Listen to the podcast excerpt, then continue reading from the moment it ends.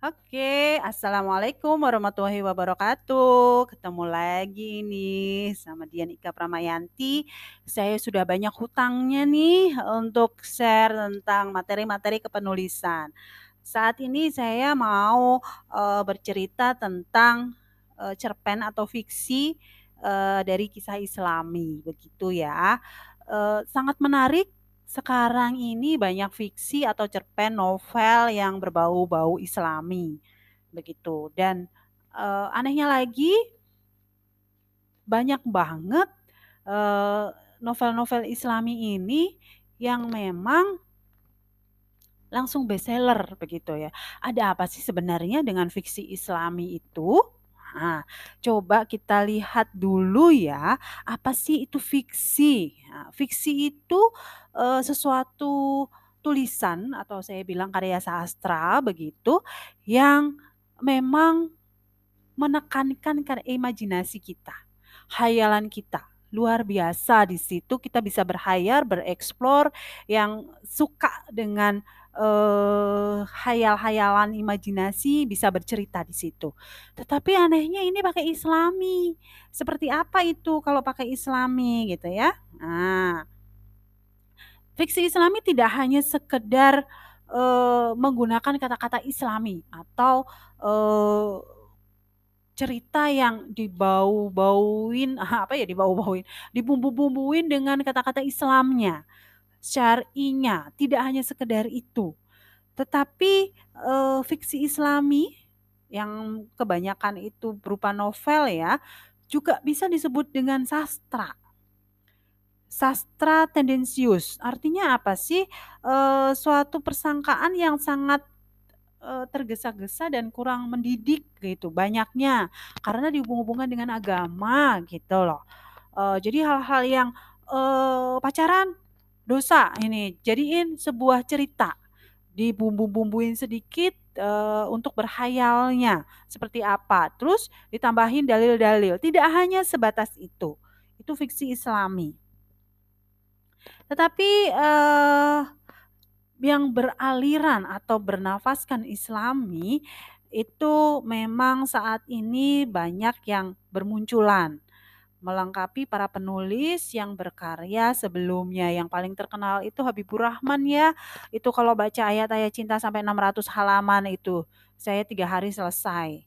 Dan nggak nggak hanya sebatas uh, baca novel, kalau ada filmnya juga nonton lagi gitu kan, lebih seru gitu kayaknya. Jadi uh, dalam sebuah fiksi itu tadi ya, dalam sebuah fiksi terutama fiksi Islami itu hanya tidak hanya menempelkan kata-kata Islamnya. Terus dalil-dalil uh, yang ada di Islam dikeluarkan, tidak hanya itu. Tetapi saya akan mencoba untuk menjelaskan sedikit bagaimana sih, apa sih sesungguhnya uh, yang penting untuk berkaitan dengan perkembangan novel-novel Islami di tanah air ini. Yang pertama adalah Menulis, eee, fiksi islami itu nggak hanya sekedar menulis seperti tadi tempelin, eee, kata-kata islami atau dalil-dalil, tapi kita perlu cukup pengetahuan dan wawasan keislaman. Masa iya sih? Iya, tidak hanya membutuhkan rangkaian kata atau kalimat untuk membuat paragraf, menghadirkan kisah semata alurnya, yang penting alurnya plot twist, enggak. Entah kisahnya itu liku-liku kesedihan, kegembiraan, sedih, tangis gitu ya, Kemudian harus diingat novel Islami itu, eee, memiliki perbedaan dengan non-Islami. Karena semangatnya itu yang dibangun, niatnya dalam menulis, eee, fiksi Islami tetap ada dakwahnya. Nah, dakwah inilah yang memerlukan ilmu dan pengetahuan tentang, eee, Islam itu sendiri. Jadi selain ilmu-ilmu kepenulisan tentang fiksi, ada plot twist, ada karakter, tidak show don't tell gitu ya. Kemudian ada kita tahu unsur-unsur fiksi gitu ya. Ada klimaks, anti klimaks. Selain itu juga kita perlu pengetahuan dan wawasan tentang agama Islam itu sendiri karena di dalamnya ada dakwah Islamnya begitu ya. Jadi uh, harus ada penguasaan pengetahuan pokoknya pokoknya itu adalah pengetahuan dari menulis fiksi sendiri dan pendukungnya, wawasan pendukungnya itu adalah ilmu pengetahuan dan wawasan tentang agama Islam itu sendiri. Jadi apa yang akan kita tulis itu akan terlihat bagus, tidak hanya sekedar yang penting saya nulis uh, fiksi Islami deh, saya tempelin Islam-Islamnya sedikit begitu kemudian dalil-dalil enggak. Tapi kita bisa memasukkan di situ uh, walaupun enggak ada dalil-dalilnya tapi itu bercerita tentang ada maknanya di situ. Uh, kalimat yang disimpan, kalimat yang ditulis di situ bermakna uh, pada Islamnya. Gimana itu caranya? Nah, itu perlu latihan, keterampilan untuk menulis. Setelah kita mahir menulis fiksi secara umum, barulah kita belajar tentang uh, keislamannya, wawasan keislaman, baru kita bisa menggabungkan itu menjadi sebuah fiksi Islam yang cantik. Yang keduanya, kecenderungan yang cukup kuat dari novel-novel Islami itu justru tidak mencerminkan pola pikir Islamnya itu sendiri. Jadi inilah yang menjadi garis besar atau musibah gitu ya dari e, banyak perkembangan karya-karya fiksi Islami yang telah ada. Narasinya makin banyak yang semrawut, argumentasinya juga sembrono. Justru tampak di sana sini itu deskripsinya uh, banyak mengharu biru mengangkat misalnya poligami gitu ya, uh, yang sebenarnya luas sekali dibahasnya dalam Al-Quran tentang poligami itu misalnya gitu ya. Kemudian juga hmm, karena itu tadi kurang wawasan dan pengetahuan keislaman itu sendiri, jadi ceritanya nggak bagus, bukan islami jadinya malah kadang-kadang apa ya, kadang-kadang ya hanya berimajinasi saja, tidak seperti kalau Islamnya sendiri itu kan fakta. Jadi ini, ini yang tantangannya luar biasa. Imajinasi itu hayalan. Sebenarnya ya. Tapi Islamnya sendiri itu adalah fakta. Nah, bagaimana kita mengemasnya antara imajinasi dan fakta itu jadi satu gitu. Ini perlu latihan. Yang ketiganya uh, mungkin banyak ya pembaca-pembaca uh, yang menuding begitu ya bahwa novel-novel Islami itu uh, terjebak pada kesempurnaan sang tokohnya. Tokohnya itu uh, berjilbabnya syar'i, tutur uh, katanya sopan, agamanya ibadahnya luar biasa begitu ya. Jadi uh, tudingan-tudingan seperti ini tuh tidak sema, apa ya tidak perlu disalahkan begitu. Tapi memang e, memunculkan sebuah karakter dari tokoh itu juga penting dalam sebuah fiksi gitu. Tapi e, banyak juga yang jadi kenyataannya dan e, menciptakan sebuah tokoh Islami itu nggak harus sempurna agamanya Begitu, itu yang perlu digarisbawahi ya. Jadi tokohnya mungkin tampak tak pernah melakukan kesalahan dalam dunianya, dalam kehidupan sehari-harinya, uh, atau setidak-tidaknya dia terhindar dari dosa atau kesalahan begitu ya. Nah, jangan sampai kita membuat tokoh seperti itu, ya wajar-wajar saja tentang bagaimana kehidupan seseorang yang beragama Islam itu di dunia, pasti ada banyak lah secara manusiawi ada banyak kesalahan dan dosa gitu ya. Jadi munculkan tokoh yang real begitu ya sesuai dengan faktanya dalam kehidupan sehari-hari. Yang keempatnya ini nggak ada karya atau mungkin fiksi Islami ataupun non fiksi Islami yang sempurna. Jadi kembali lagi kita perlu sebuah keterampilan untuk menulis begitu ya. Tetapi dan keterampilan itu adalah sebuah proses. Kalau kita nggak pernah mencoba, kita akan e, bener nggak sih? Ini sudah betul nggak sih gitu ya? Nah seperti itu kira-kira e, kalau kita mau menulis e, tentang fiksi.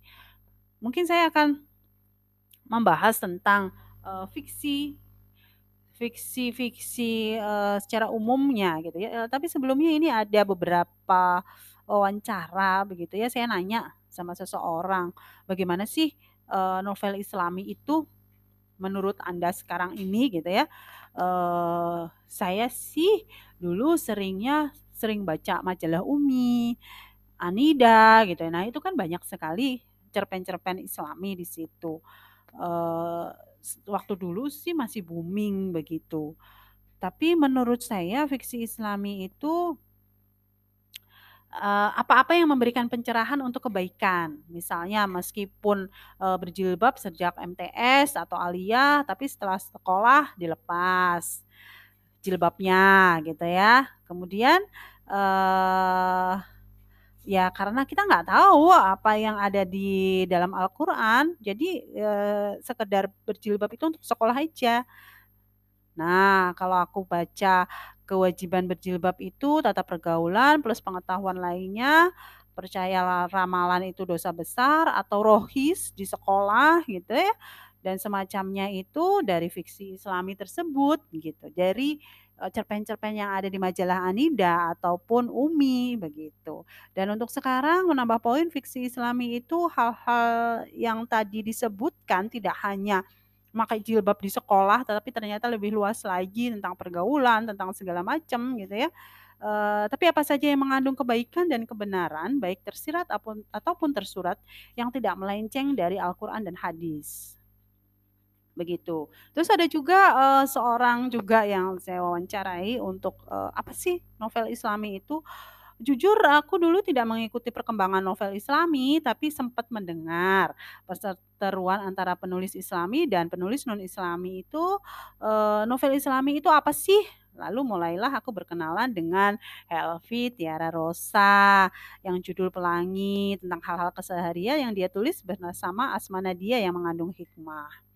Ada banyak, jadi sekiranya uh, fiksi Islami itu kalau saya bisa uh, apa ya konklusikan uh, kesimpulannya itu kita harus selain berterampil memiliki keterampilan untuk menulis uh, secara fiksi ada unsurnya kita tahu lah ada unsur-unsur fiksi yang nanti kita tuliskan begitu kita juga punya uh, keterampilan pendukungnya pengetahuan dan uh, wawasan tentang agama Islam itu sendiri.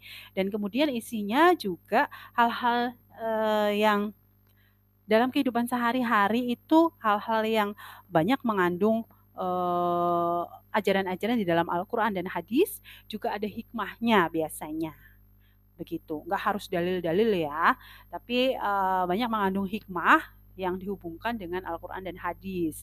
Hal-hal yang sederhana, tapi uh, suasananya Islami, misalnya di pondok pesantren atau kota kota-kota Arab gitu ya, settingnya di uh, Timur Tengah gitu.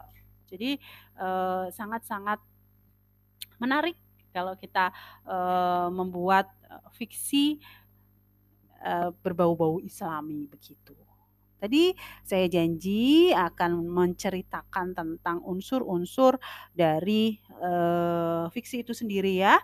Jadi nanti dengan uh, satu materi ini Anda bisa mencoba untuk langsung membuat cerpen Islami atau novel Islami. Cerpen Islami dulu deh, cerita pendek dulu ya. Oke, unsur-unsur yang ada di dalam fiksi itu ada tokoh tokoh itu uh, seseorang kan uh, yang memerankan siapa. Kemudian uh, selain tokoh, di tokoh itu ada karakternya. Karakter si A seperti apa sih? Kalau mau lebih elegan dan uh, tidak monoton fiksi kita, biasanya menceritakan karakter itu enggak uh, langsung uh, si Rina itu cantik sekali, enggak langsung seperti itu tapi kita menggambarkannya, mendeskripsikannya. Sirina itu hidungnya mancung, pipinya lesung pipit, kalau dia tertawa giginya seperti gigi kelinci, putih, bersih gitu. Kemudian rambutnya kalau digerai hitam, sangat uh, manis sekali. Nah, sudah menceritakan seperti itu kita bisa memberikan kesimpulan, pembaca memberikan kesimpulan sendiri bahwa dia cantik jadi kita agak lebay gitu ya mendeskripsikan seseorang itu karakternya seperti itu. Itu karakter fisiknya. Kalau karakter secara perilakunya bisa juga tidak hanya membuat sebuah kalimat saja Sirina itu orangnya jahat sekali. Enggak seperti itu, tapi buatlah deskripsi bagaimana sih itu jahat.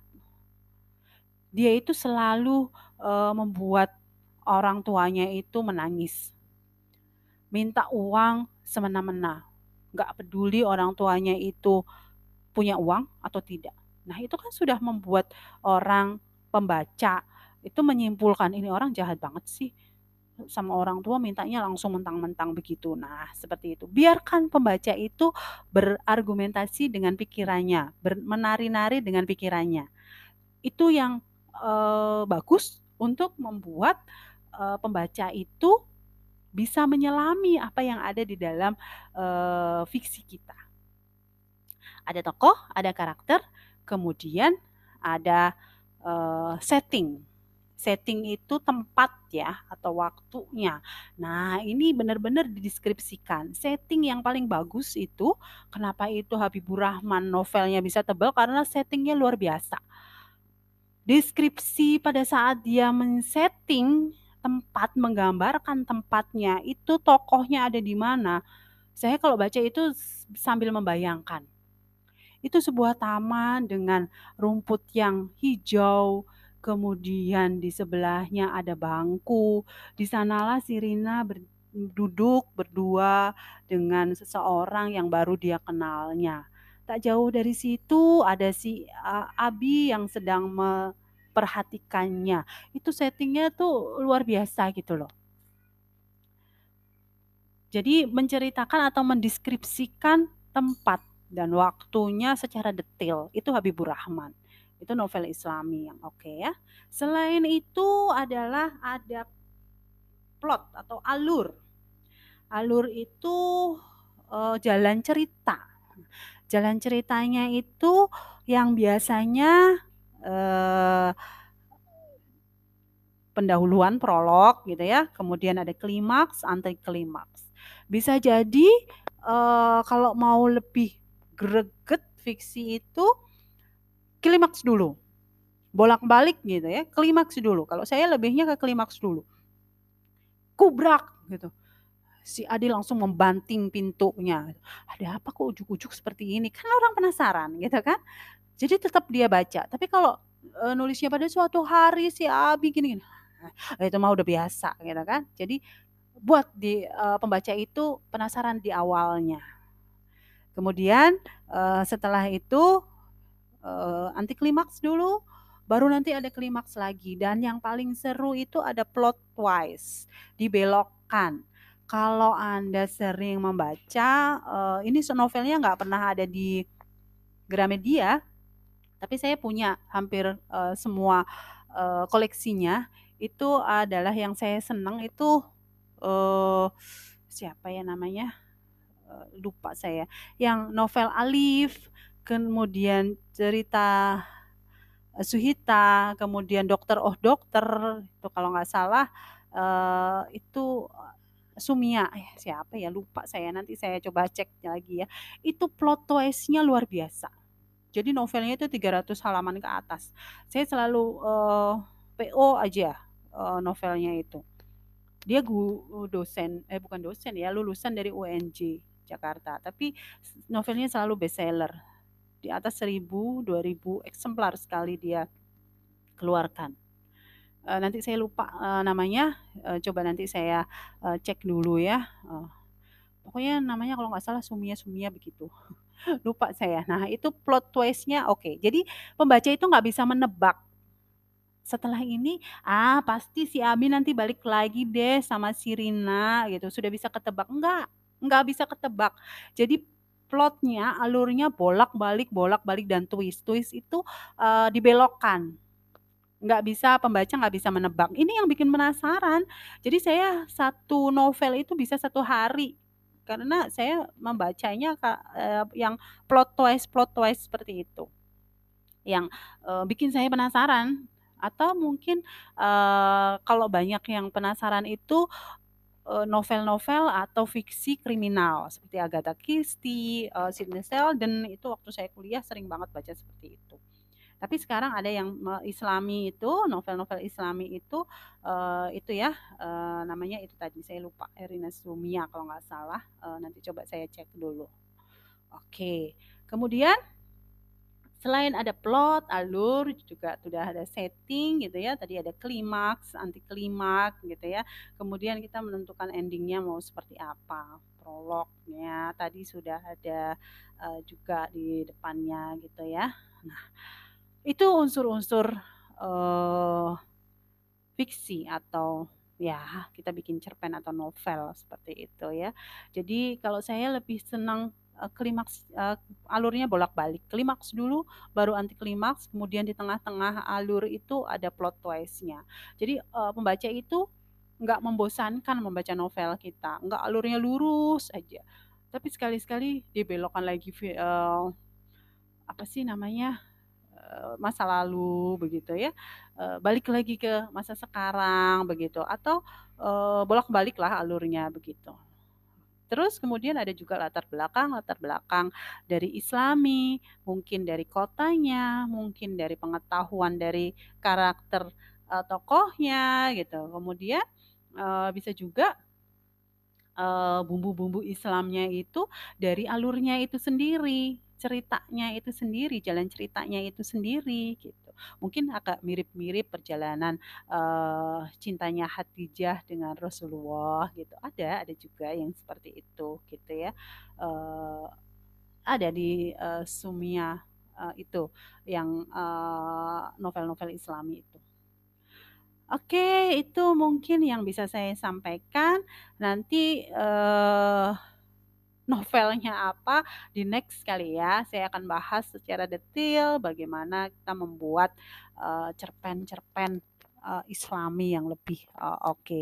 Atau mungkin nanti kita bisa bedah, eee, sebuah novel islami seperti apa, begitu ya. Selamat berkarya, selamat berlatih untuk menulis, dan jangan lupa selalu jaga kesehatan, minum vitamin, kalau mau keluar prokes harus tetap dijalankan, sekarang 6M ya, mmm, oke.